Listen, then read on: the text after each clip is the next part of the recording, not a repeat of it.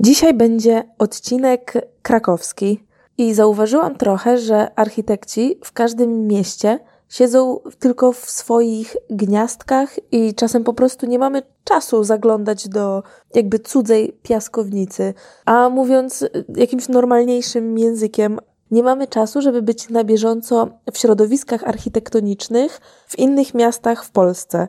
I trochę to zauważyłam, że architekci E, działający w Warszawie przede wszystkim obracają się wokół budynków i wszystkich działań wokoło architektonicznych, które się dzieją w Warszawie. W Krakowie architekci obracają się wokół realizacji krakowskich. Jest to naturalne, jest to zrozumiałe, ponieważ nie starczyłoby nam tak naprawdę czasu, bo trzeba być oczywiście na bieżąco jeszcze z tym, co się dzieje. E, no nie dość, że u nas za płotem, to jeszcze w głównych miastach w Europie, czy nawet na świecie oczywiście. Lubimy podglądać e, Szwajcarię. Uwielbiamy też miasta w sumie nieoczywiste, takie nie, niepiękne na pierwszy rzut oka przynajmniej, nie bardzo turystyczne. Lubimy postindustrializm, ascetyzm, minimalizm, ale też niejednokrotnie postmodernizm nawet, albo różne dziwactwa, oryginalność, to na pewno. E, uwielbiamy na przykład Curych, albo Kopenhagę, albo Rotterdam. Ja zazwyczaj nawet się nie przyznaję wśród znajomych y, architektów, że, y, że nie byłam nigdy w Kopenhadze, bo to jest jak powiedzieć, że no, że, że, że, że nie, nie próbowało się nigdy um, czekolady. Y, albo teraz bardziej byśmy powiedzieli, że nigdy nie, je, nie spróbowaliśmy ramenu. Ale ym, gdzie jeszcze lubimy podróżować? Lubimy też pojechać na przykład do Szczecina, ale tylko po to, żeby wejść do holu Filharmonii Szczecińskiej i, i wrócić do siebie. Albo jak pojedziemy do Katowic, to w zasadzie tylko po to, żeby obczaić Nikiszowiec albo osiedle tysiąclecia i, i już. A w Krakowie chętnie zwiedzimy e, Nową Hutę i żaden z naszych znajomych nie będzie chciał się nigdy do nas dołączyć, ale w Krakowie się zatrzymamy, chociaż niekoniecznie w Nowej Hucie, ale y, w sumie to w centrum, a tak dokładniej na ulicy Dolnych Młynów. I nie po to, żeby odwiedzić Weźrze Krafta albo międzymiastową, ale żeby odwiedzić pracownię architektoniczną, która znajduje się zaraz za rogiem. Także y, zapraszam na pierwszy odcinek wyjazdowy. Zapukałam do biura projektów Lewicki Łatak, którego założycielami są architekci Piotr Lewicki i Kazimierz Łatak. Więc dla tych może nie wychylających się ze swojej y, piaskownicy, albo po prostu dla tych, co się mniej interesują architekturą. Nie, no w sumie dla wszystkich. Y, już Wam wyjaśniam. Nakreślę y, może taki background. Panowie architekci pracują ze sobą nieprzerwanie już od 88 roku. W 90 roku ukończyli Wydział Architektury Politechniki Krakowskiej, natomiast jeszcze pan Kazimierz Łatak ukończył również Wydział budownictwa lądowego. W latach 90. pracowali na wydziale jako wykładowcy, a y, przez kilka lat prowadzili studio projektowe na Wydziale Architektury i Sztuk Pięknych y, Krakowskiej Szkoły Wyższej imienia Andrzeja Frycza Modrzewskiego. Za te najbardziej chyba rozpoznawalne realizacje architektoniczne w Krakowie uchodzą uchodzi na pewno rewitalizacja placu bohaterów getta. Jest to pomnik upamiętniający krakowskie getto i krakowskich Żydów. Jest to charakterystyczny plac, na którym ustawiono, zaprojektowano 70 krzeseł. Inna realizacja Biura Projektów Lewicki Łatak to jest y, hala Krakowia z Centrum Sportu Osób Niepełnosprawnych. Y, więc jak mentalnie przeniesiecie się w kierunku krakowskich błoni, miniecie hotel Krakowia, który stoi naprzeciwko Muzeum Narodowego, pojedziecie dalej, mijacie te Gudludy i Stadion Krakowi, potem y, domki, domki, domki, szpital i chyba jakaś szkoła. I tam na samym czubku, prawie że trójkątnych błoni, jest właśnie ona, hala Krakowia. I hala jest y, bardzo zgrabnie ukryta w krajobrazie. Budynek nie krzyczy, ale jest jednak y, charakterystyczny, łatwo rozpoznawalny. Jeśli będziecie koło niego przechodzić, to koniecznie obejdźcie go dookoła, wejdźcie na dach, przejdźcie się niesamowicie długą e, rampą, e, no ale jest ona oczywiście zrozumiała, jeśli chodzi o dostępność ludzi o ograniczonych zdolnościach poruszania się albo dla ludzi z wózkiem dziecięcym. Pozaglądajcie przez okna, Budynek przypomina nieco taką geometryczną rzeźbę, a w zasadzie jest grą powierzchni kortenowych, czyli tych rdzenno-stalowych i szklanych. Czyli będzie to ta charakterystyczna, raczej horyzontalna bryła w kolorach rdzawych. Warto wspomnieć o projekcie Kładki, która miała połączyć brzegi Wisły na wysokości Kazimierza i Ludwinowa, czyli w miejscu budynku dawnego hotelu Kraków. Projekt powstał w 2006 roku i dzisiaj, jeśli to nagrywam w lutym 2020 roku, wciąż chyba decyzja nie jest znana, czy kładka powstanie, czy nie. Projekt kładki jest dosyć ekspresyjny. E, jest to charakterystyczna kładka, taka asymetryczna, o opływowym kształcie a decyzja o budowie jest niepewna, ponieważ z tego co kojarzę, to w czasie obecności tego projektu już w życiu publicznym miasta Kraków, e, tam konserwator zabytków zmieniał się już dwukrotnie, dlatego też decyzja o budowie jest niepewna. Te najnowsze chyba wiadomości to są takie, że małopolski konserwator zabytków uchylił pozwolenie na budowę. Pojawiły się odwołania od decyzji, także cała procedura może mieć pewnie różne zakończenie i, i, jeszcze trochę potrwa. Natomiast jako, że przewaga słuchaczy jest póki co z Warszawy, to wspomnę jeszcze o budynku Flyspot w Ożarowie Mazowieckim. To jest taki charakterystyczny, betonowy, geometrycznie rozrzeźbiony budynek Flyspot. Co ważne, co bardzo ważne, panowie architekci również zdobyli Nagrodę Sarpu, czyli tę najważniejszą nagrodę architektoniczną w Polsce i jest ona przyznawana za całokształt twórczości. O czym była rozmowa? Trochę, trochę popytałam o wspomnienia z czasów studiowania, o to, co ich y, ukształtowało jako architektów. Rozmawialiśmy o wrażliwości i stalowych nerwach tam nawet padło y, takie fajne określenie chyba z, z ust pana Kazimierza Łataka, że architekt to powinien być takim wrażliwym nosorożcem de facto. Jakoś weszło mi to w pamięć. Podpytałam również dużo dosyć o, o cały proces projektowy, czyli na jakie pytania panowie sobie odpowiadają e, na samym początku pracy nad projektem, czyli tak de facto jak ugryźć projekt. Było też o tym na przykład, co dają konkursy w architekturze i poznacie zasadę, czyli jaki to przeważnie procent tych projektów konkursowych wygrywa, ponieważ no, to jest bardzo duża inwestycja czasowa, a ten procent y, wygrywania nie jest jakiś wielki. E, będzie również o nagrodzie e, SARP, oczywiście, czyli czym jest taka nagroda, czy się spodziewali i tak dalej. Bardzo serdecznie zapraszam na rozmowę. Ten bardziej basowy, niższy głos to jest głos pana Kazimierza Łataka, nieco wyższy to jest pan Piotr Lewicki, Mam nadzieję, że wszystko już zostało wyjaśnione, więc e, przenosimy się z powrotem do, do Krakowa, do salki konferencyjnej w kamienicy przy Dolnych Młynów i do biura projektów Lewicki Łatak.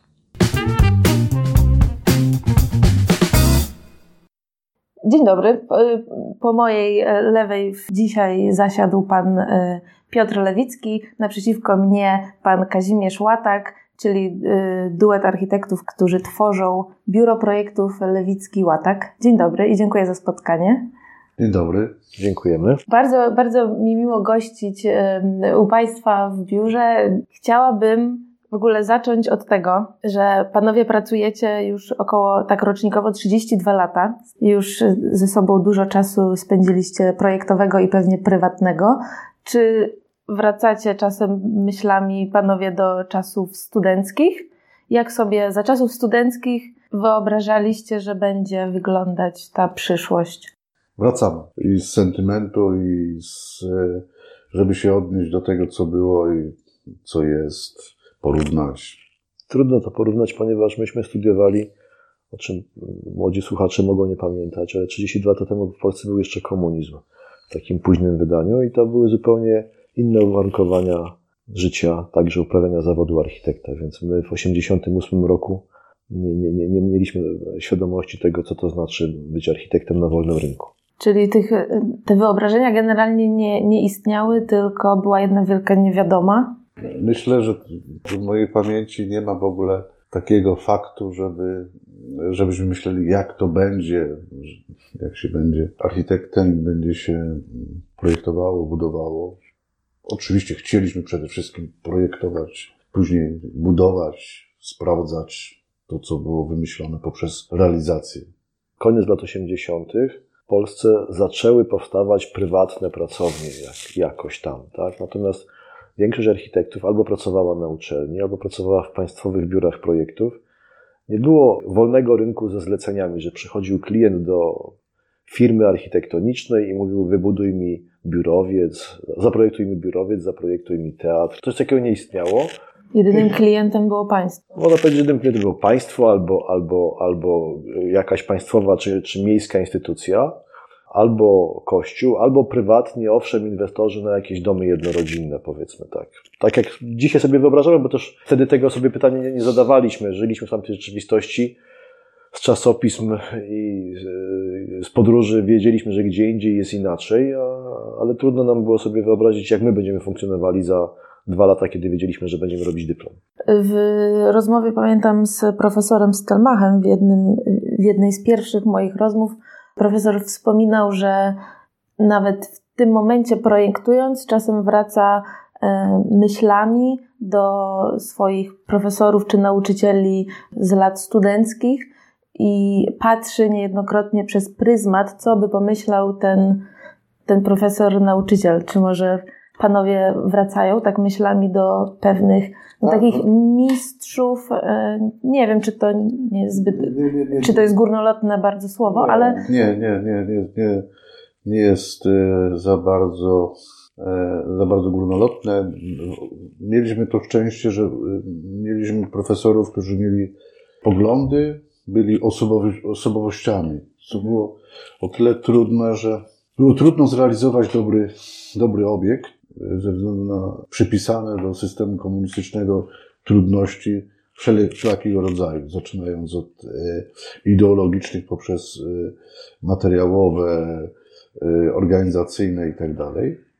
Ale ci profesorowie, do których wracamy, nie, nie, tylko po to, żeby sobie przypomnieć, albo tak jak pani mówi o profesorze Stelmachu, pomyśleć, co by oni powiedzieli na nasze obiekty, raczej wrócić do, do, żeby jeszcze raz sobie uświadomić, na czym polegała ich wielkość. Profesor Mańkowski, profesor Cęckiewicz, profesor Korski, profesor Lisowski, profesor Bogdanowski. To, był, to były wszystko bardzo mocne osobowości, które w tym czasie pokazywały nam, że może być dobra jakość rzeczy, także ubrania, także sposobu mówienia, także sposobu odnoszenia się do innych ludzi. I, i przynajmniej w moim wypadku te, te powroty y, myśl, myślami do, do tych profesorów, czy nasze rozmowy raczej odnoszą się właśnie do, do osób, mniej do, do tego, co, co projektowały. Chociaż oczywiście pamiętamy wszyscy a my dwaj na pewno, y, co zaprojektował profesor Mańkowski, co profesor Cęckiewicz, co profesor Lisowski i tak dalej.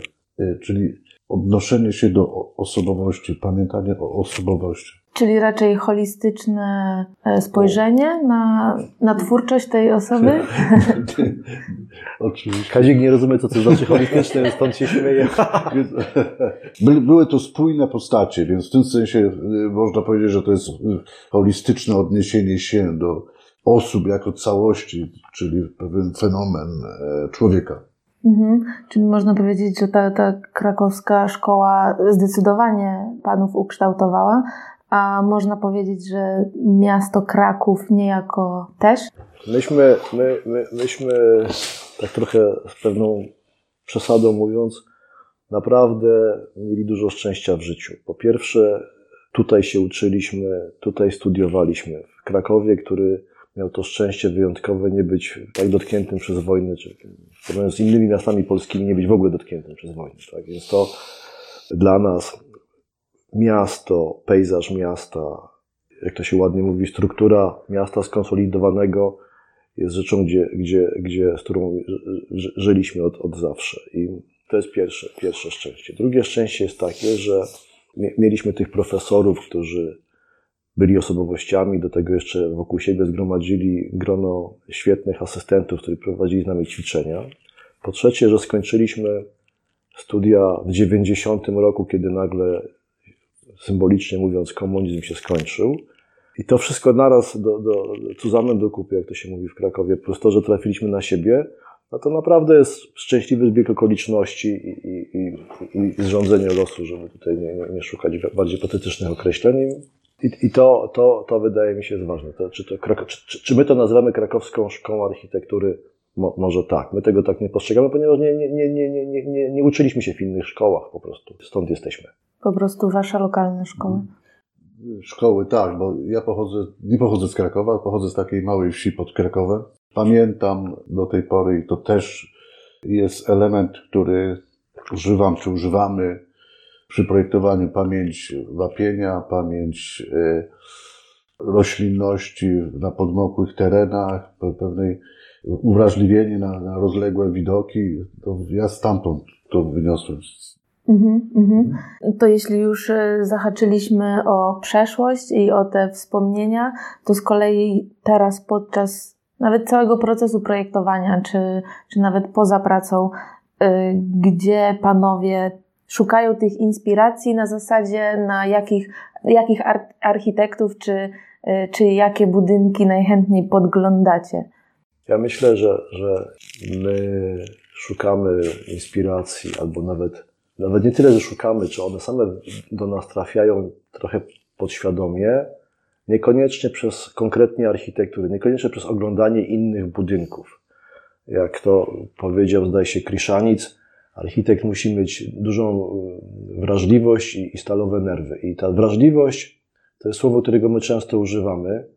Wydaje mi się, że żeby być dobrym architektem, trzeba być wrażliwym na, na różne rzeczy, na, wrażliwym na piękno przede wszystkim.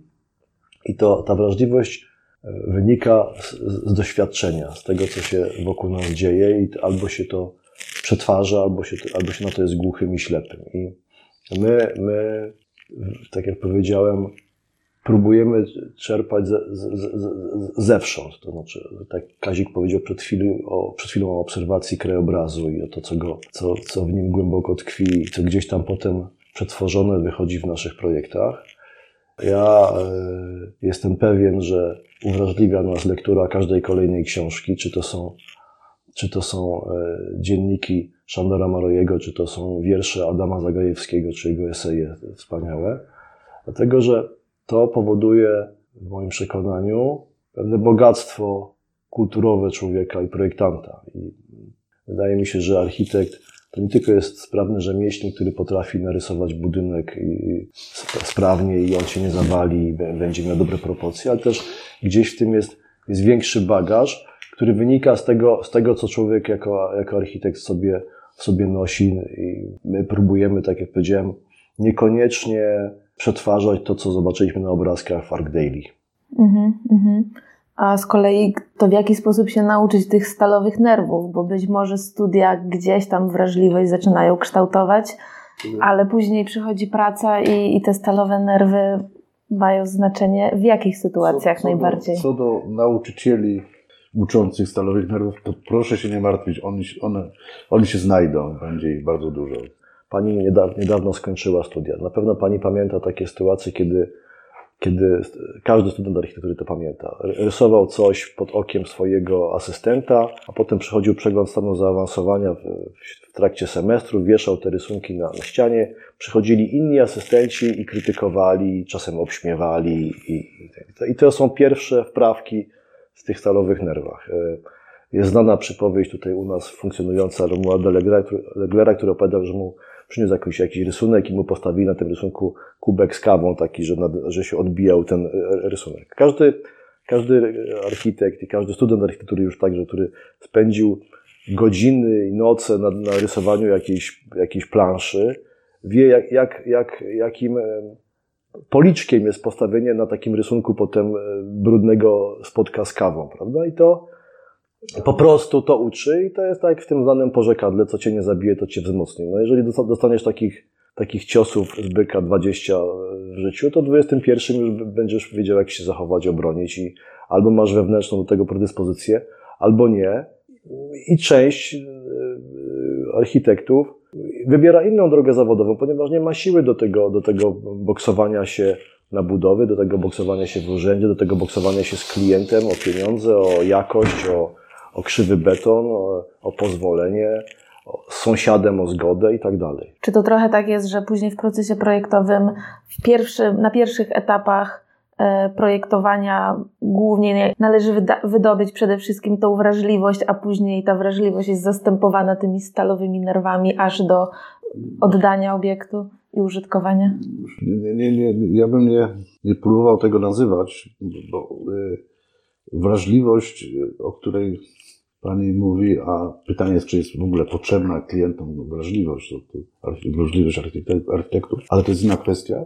Bardzo sobie cenimy to, że bywamy na budowach bardzo często, na budowach, które są realizowane według naszych projektów i do końca próbujemy powalczyć o jakość, naprawić błędy. O, o, tym trzeba też powiedzieć, że, że, że projektowanie architektoniczne jest pewnym prototypem, który który jest zobaczony błędami i, i, i, w czasie realizacji widzimy, próbujemy je naprawić i, i, i to nie jest ni niestety tak, że do, do, tego momentu jesteśmy bardzo wrażliwi jak mimoza, a od tego, od tego momentu jesteśmy, y, mamy twardą skórę jak nosorożec. Po prostu trzeba być cały czas wrażliwym nosorożcem.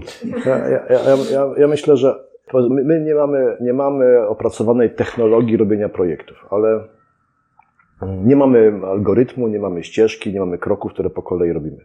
Na pewno na początku, kiedy siadamy do, jakiegoś tematu, to na pewno próbujemy zrozumieć jego istotę. Co jest najważniejsze w tym pytaniu, które ktoś zadaje, co jest najważniejsze dla lokalizacji, w której to pytanie zostaje zadane i jaka jest nasza najbardziej syntetyczna odpowiedź na to pytanie. I potem, jeżeli, jeżeli my znajdziemy tą najbardziej syntetyczną odpowiedź, co w danym momencie chcielibyśmy powiedzieć jako architekci na zadane przez klienta pytanie, to potem mm, ta odpowiedź, i tutaj e, Kazik kiedyś przy, przy, przyniósł e, z, z książki Dejana Sudicia to określenie o DNA danego projektu, ta odpowiedź ma swoje DNA. To DNA jest od skali makro projektu do skali mikro. Ja to zobaczyłem. Najpierw mówimy o DNA, później potwierdziło się to. Dziękuję. A to nie wiedziałem. To nie wiedziałem. Ja, no. E, ja tą książkę czytałem ostatnio i tam to, to, to znalazłem. Natomiast ta, ta, to DNA jest od skali makro do skali, do skali mikro. To znaczy od tego, jak ten budynek stoi na działce, gdzie ma front, gdzie ma tył, z czego on jest zrobiony, czy jest z betonu, czy jest z blachy, czy jest e, z tynku i tak dalej aż po drobne elementy, dlaczego blacha na, na obudowie mm, drabiny ma oczka kwadratowe, a nie okrągłe. I oczywiście, że to jest tak, że, że to, ten proces projektowy i wrażliwość jest niezbędna do końca. To znaczy, miesiąc przed skończeniem budowy, po ośmiu latach pracy nad danym projektem, jeszcze zapadają pewne decyzje, które, które są na budowie. Te decyzje wynikają z tego, że 8 lat wcześniej, czy 5, czy 2, czy, czy 18, wymyśliliśmy jakąś odpowiedź generalną na to pytanie i próbujemy w detalach być spójni z tym, co zostało wymyślone. Co oczywiście jest trudne, ponieważ przychodzą na, ten, na tę odpowiedź rozmaite impulsy z zewnątrz. Brakuje pieniędzy, albo trzeba się odsunąć, bo na sąsiedniej działce się okazuje, że będzie przedszkole, nie można go zacienić. Jest ileś powodów do zmiany, albo nagle jest pomysł na mniejsze mieszkanie, a nie większe. Jest ileś powodów do zmiany i my próbujemy te powody zrealizować w, tym, w tej odpowiedzi, zachowując jej integralność, żeby to nagle nie był inny, inny budynek, inna odpowiedź na to zadane pytanie, bo zakładamy cały czas, że sedno się nie zmieniło. To znaczy, że ktoś zadał to pytanie w tym miejscu i my chcemy taką odpowiedź dać. Czyli DNA jest to samo, a ewentualne mutacje należy robić tak, żeby wciąż były akceptowalne. Bardzo jesteśmy dumni z tego e, DNA, ponieważ e, zastanawialiśmy się, jak wytłumaczyć klientowi, że w danym budynku, owszem, są okna, i nawet gdy on zaproponuje znakomite okno, ale właśnie z innego materiału, z, o innych proporcjach, in, inne wyrazie, no, no to nie będzie pasowało. Próbowaliśmy to właśnie tłumaczyć w ten sposób, że piękna gałąź brzozy jednak słabo pasuje do, do, do, do sosny, bo to jest, są dwa różne konstrukty, jak, jak to się mówi, czyli coś, co, co wymyślone powstanie albo powstało.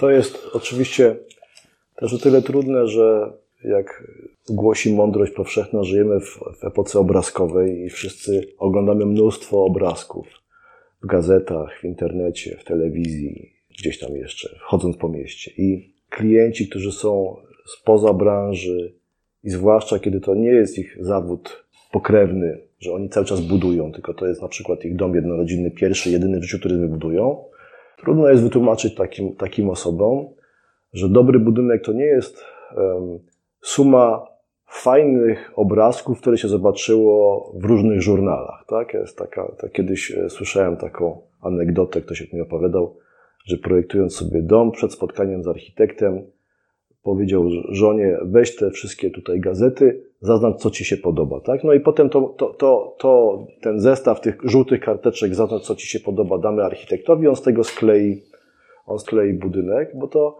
to jest grubsza biorąc tak, jakby pani nie wiem, chciała zjeść obiad i położyła na stole, nie wiem, awokado, kiełbaskę leszczyńską, e, lody bananowe i powiedziała, że to lubi pani to wszystko i z tego trzeba zrobić e, zupę, tak? No.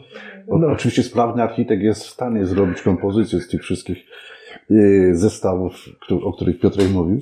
Ale to później są takie wyjątki stara architektów, może po prostu Ale budynki, są, symbole są, i są, koniec. To są, to, są, e, to są przypadki oczywiście zabawne. No można sobie wyobrazić operę złożoną tylko i wyłącznie z cytatów z innych oper, tak? No możemy sobie wyobrazić taką rzecz, ale, ale jednakowoż no to y, trzeba rzeczywiście mistrza, żeby potrafił skleić to wszystko w jednorazowy obiekt. Jak y, przeglądam, czy śledzę projekty biura Lewicki Łatak, to y, obserwuję bardzo dużą różnorodność y, w funkcji, w formie. W zasadzie mm, ciężko powiedzieć o czymś takim jak styl biura czy styl architektów i oczywiście bardzo słusznie, bo to nie są budynki w jednej lokalizacji o jednej funkcji, y, ale zdarza się, że biura czy architekci do tego dążą, żeby takim być rozpoznawalnym, jeśli chodzi o samą formę architektury. Czy to było takie celowe y, u Was założenie, żeby... Nie, bo nie, nie? nie w to, nie w to gra, graliśmy. Nie. Ja, y, myśmy w zeszłym roku, półtora roku, półtora roku temu y, mieli przyjemność odbyć takie, jak to się ładnie mówi, spotkanie autorskie w Berlinie, w Instytucie Kultury Polskiej. To, to, to, to pytanie tam też padło. I jednym z naszych mistrzów był Aldo Rossi którego być może młodzi adepci tego naszego zawodu już nie pamiętają. Ale Aldo Rossi w latach 80., kiedy myśmy studiowali, był dla nas takim, takim ówczesnym starym architektem i oglądaliśmy wszystko, co on tam wyprodukował. Jest tak rzeczywiście, że to, co Aldo Rossi postawił w Berlinie, w Mediolanie, Turynie czy w Japonii, w Fukuoce, zawsze jest zbiór podobnych elementów, które powodują, że natychmiast patrzę na ten budynek, wiadomo, że to jest Aldo Rossi, że jest zielone nadproże stalowe, że jest prostokątny okna podzielony na krzyż. Mimo tego, że ten Aldo Rossi był naszym mistrzem i dalej niektóre z jego budynków nam, nam bardzo e, się podobają, to my wychodzimy zupełnie od czegoś innego i to był tytuł naszej, naszej potem berlińskiej wystawy w Galerii Architektury e, w zeszłym roku. Tytuł ten używa tego modnego, może powiedzieć, trafnego określenia site specific. To znaczy stworzone z myślą o danym miejscu, można tak powiedzieć. Nie wiem, czy jest jakiś taki bardziej mm, lepszy, trafniejszy polski, polskie tłumaczenie tego anglicyzmu. Mnie się wydaje, że my tak do tego podchodzimy, że jeżeli pytanie o budynek y, jest w, we Wrocławiu na ulicy Grabiszyńskiej, a pytanie o halę sportową jest w Krakowie przy Alei Fosza pod Kopcem Kościuszki, to my w tych dwóch lokalizacjach mamy na to pytanie i ten problem postawiony przez klienta jego programu inne odpowiedzi. Te odpowiedzi wynikają z tego, że my szukamy, co w danej lokalizacji jest specyficzne, co jest cenne i co chcemy wydobyć z tej, z tej lokalizacji. Nie będziemy przy całym naszym sympatii dla, przy całej naszej sympatii dla Dorosiego przybijać tej zmutowanej pieczątki w każdym miejscu, gdzie nas poproszą o projekt. I chyba tak jest po prostu. A który klient jest łatwiejszy, ten prywatny czy publiczny? Oczywiście ten, który jest obecny i który ma być. Żeby... Ten, który ma większy budżet. Nie, nie, nie, nie, nie, nie. nie, ten, który ma świadomość? klient wyrazisty to jest dobry klient. Mhm. Albo ten zorientowany w świecie nie, architektury, nie, nie, czy niekoniecznie? Ten taki, który wie, czego chce, Albo ten, który nie narzuca się, tylko ufa być może? Nie, nie, nie. nie? Znaczy, zaufanie jest potrzebne. Zaufanie oczywiście jest potrzebne, ale najważniejsza jest ta wyrazistość, czyli znowu wracając do, do DNA, które jest sumą, sumą niewiadomych i sumą równań, które rozwiązują, e, znajdują te niewiadome. E, także klient, który jest najważniejszy, bo bez klienta nie ma, nie ma architektury. Dlatego jest ważny w całej tej układance, którą podejmujemy nawet bez wiedzy tej najważniejszej osoby fizycznej czy prawnej, czyli klienta, układance, która stworzy tą kompozycję, o której wspomnieliśmy, o spójnym DNA. Czyli ta wyrazistość jest potrzebna do tego, żeby wiedzieć, y, jakie, jakie jeszcze jedno równanie musimy ułożyć, żeby y, wymagania, czyli niewiadome, spełnić co dają konkursy, bo o. Biuro Lewicki Łatak startuje, Ko konkursy, tak? tak konkursy, w wielu konkursach. Konkursy są niezwykle, niezwykle ważne, pozwalają cały czas sprawdzać aktualne myślenie y, o danym miejscu. To jest ten fragment e, tej y, permanentnej edukacji, stałej edukacji. Oprócz tego oczywiście uczą pokory, ponieważ słynna zasada 10%, czyli 1 na 10 y, konkursów jest niekoniecznie nawet zwycięski, ale z nagrodą jakąś. A pokora to jest jeden z tych elementów, o których nie wspomnieliśmy przy okazji wrażliwości i, i stalowej odporności. Nie ma, nie ma, wydaje mi się, możliwości zrealizować ważny publiczny obiekt póki co w drodze innej niż konkurs. Taki mamy ustrój prawny, Wydaje się, że słuszny. Ja, ja tutaj niestety powiem, że to jest trochę gorzej. No, znaczy są przetargi na bardzo ważne obiekty w mieście, które są dalekie od poszukiwania właściwego formalnie rozwiązania dla, dla danego miejsca. Myślę, że trochę, że z, konkursami to jest trochę tak jak z tym danym pożekadle o demokracji. To znaczy, że nie, nie lepszego ustroju nie wymyślono. Można się z tym zgadzać albo nie, ale jest takie powiedzenie. Teraz z konkursami jest podobnie, to znaczy są gmachy publiczne, które zostały zrealizowane poza drogą konkursów. Przychodzi mi do głowy na przykład sala koncertowa w Lusławicach y, dla Krzysztofa Pendereckiego, pracownik krakowskiej DTM, która jest bardzo dobrym obiektem publicznym, y, zrobionym poza trybem konkursowym. Są też obiekty, które zostały wyłonione w drodze konkursu, które są, które są budynkami mniej udanymi, bym powiedział, niż, niż wszyscy mieli nadzieję.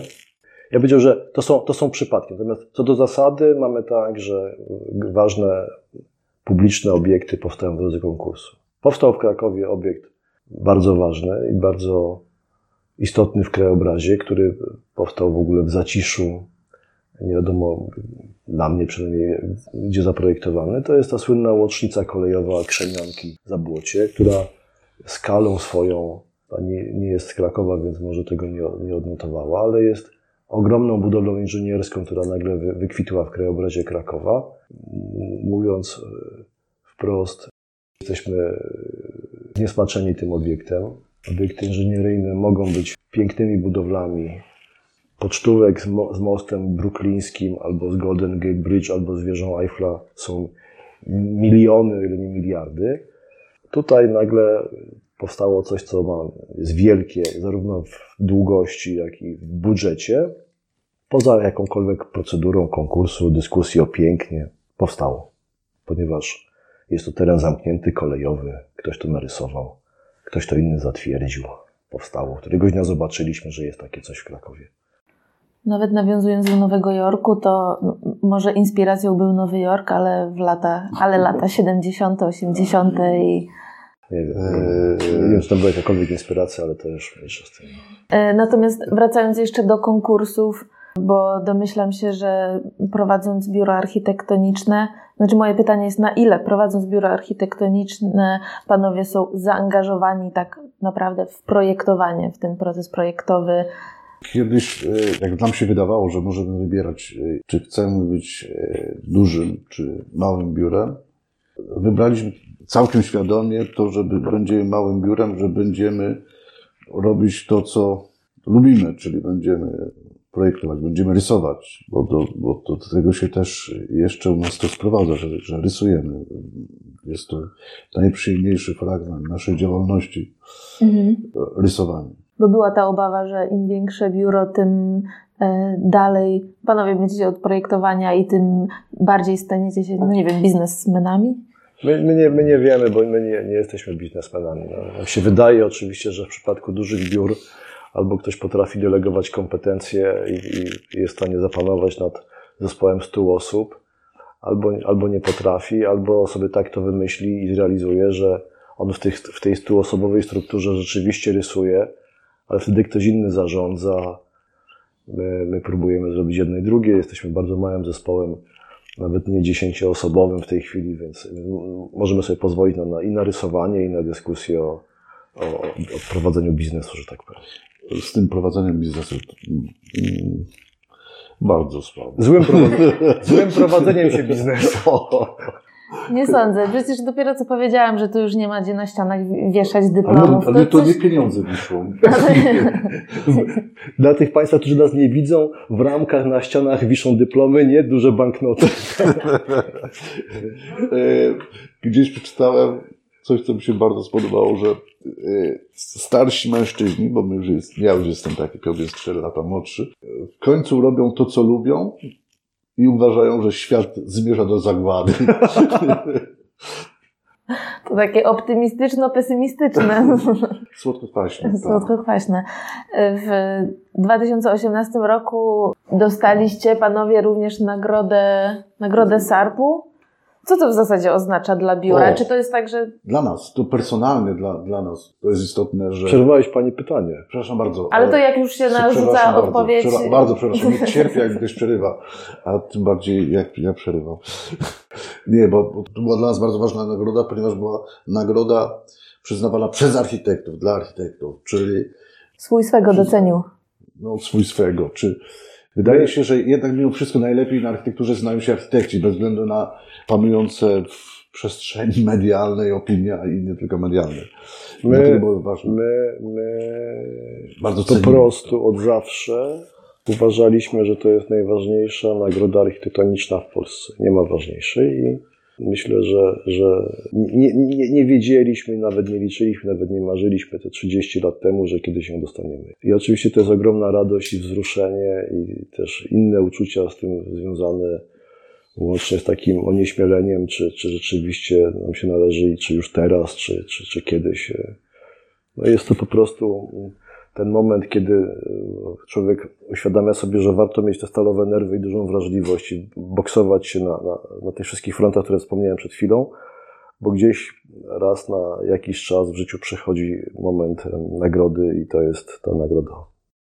Oczywiście cały czas nagrody w życiu architekta są często w samotności narysowany jakiś fragment, który wydaje się być właściwym rozwiązaniem danego problemu. I te takie podetapy nagród są właśnie też solą te, tego zawodu, że, że znajduje się właściwą odpowiedź na wydawałoby się pytanie, które, które, które jest co najwyżej retoryczne albo w ogóle nie, nie, nie, nie będzie na nie, na nie odpowiedzi. To, to jest ten fragment też piękna, piękna naszego zawodu. Czy po otrzymaniu tej nagrody pojawiły się jakieś zmiany w biurze, że nagle trawa stała się bardziej zielona, powietrze nieco czystsze, a klienci o, ustawili się w kolejce. Chyba nie liczyli. Piotr, do kamienicy? Nie, nie, czy to... proszę, pro, e, myślę, myślę, że mówiąc wprost, e, trzy czwarte klientów, których mamy, realizuje swoje komercyjne cele przy pomocy architektów, czasem nas akurat w tym przypadku.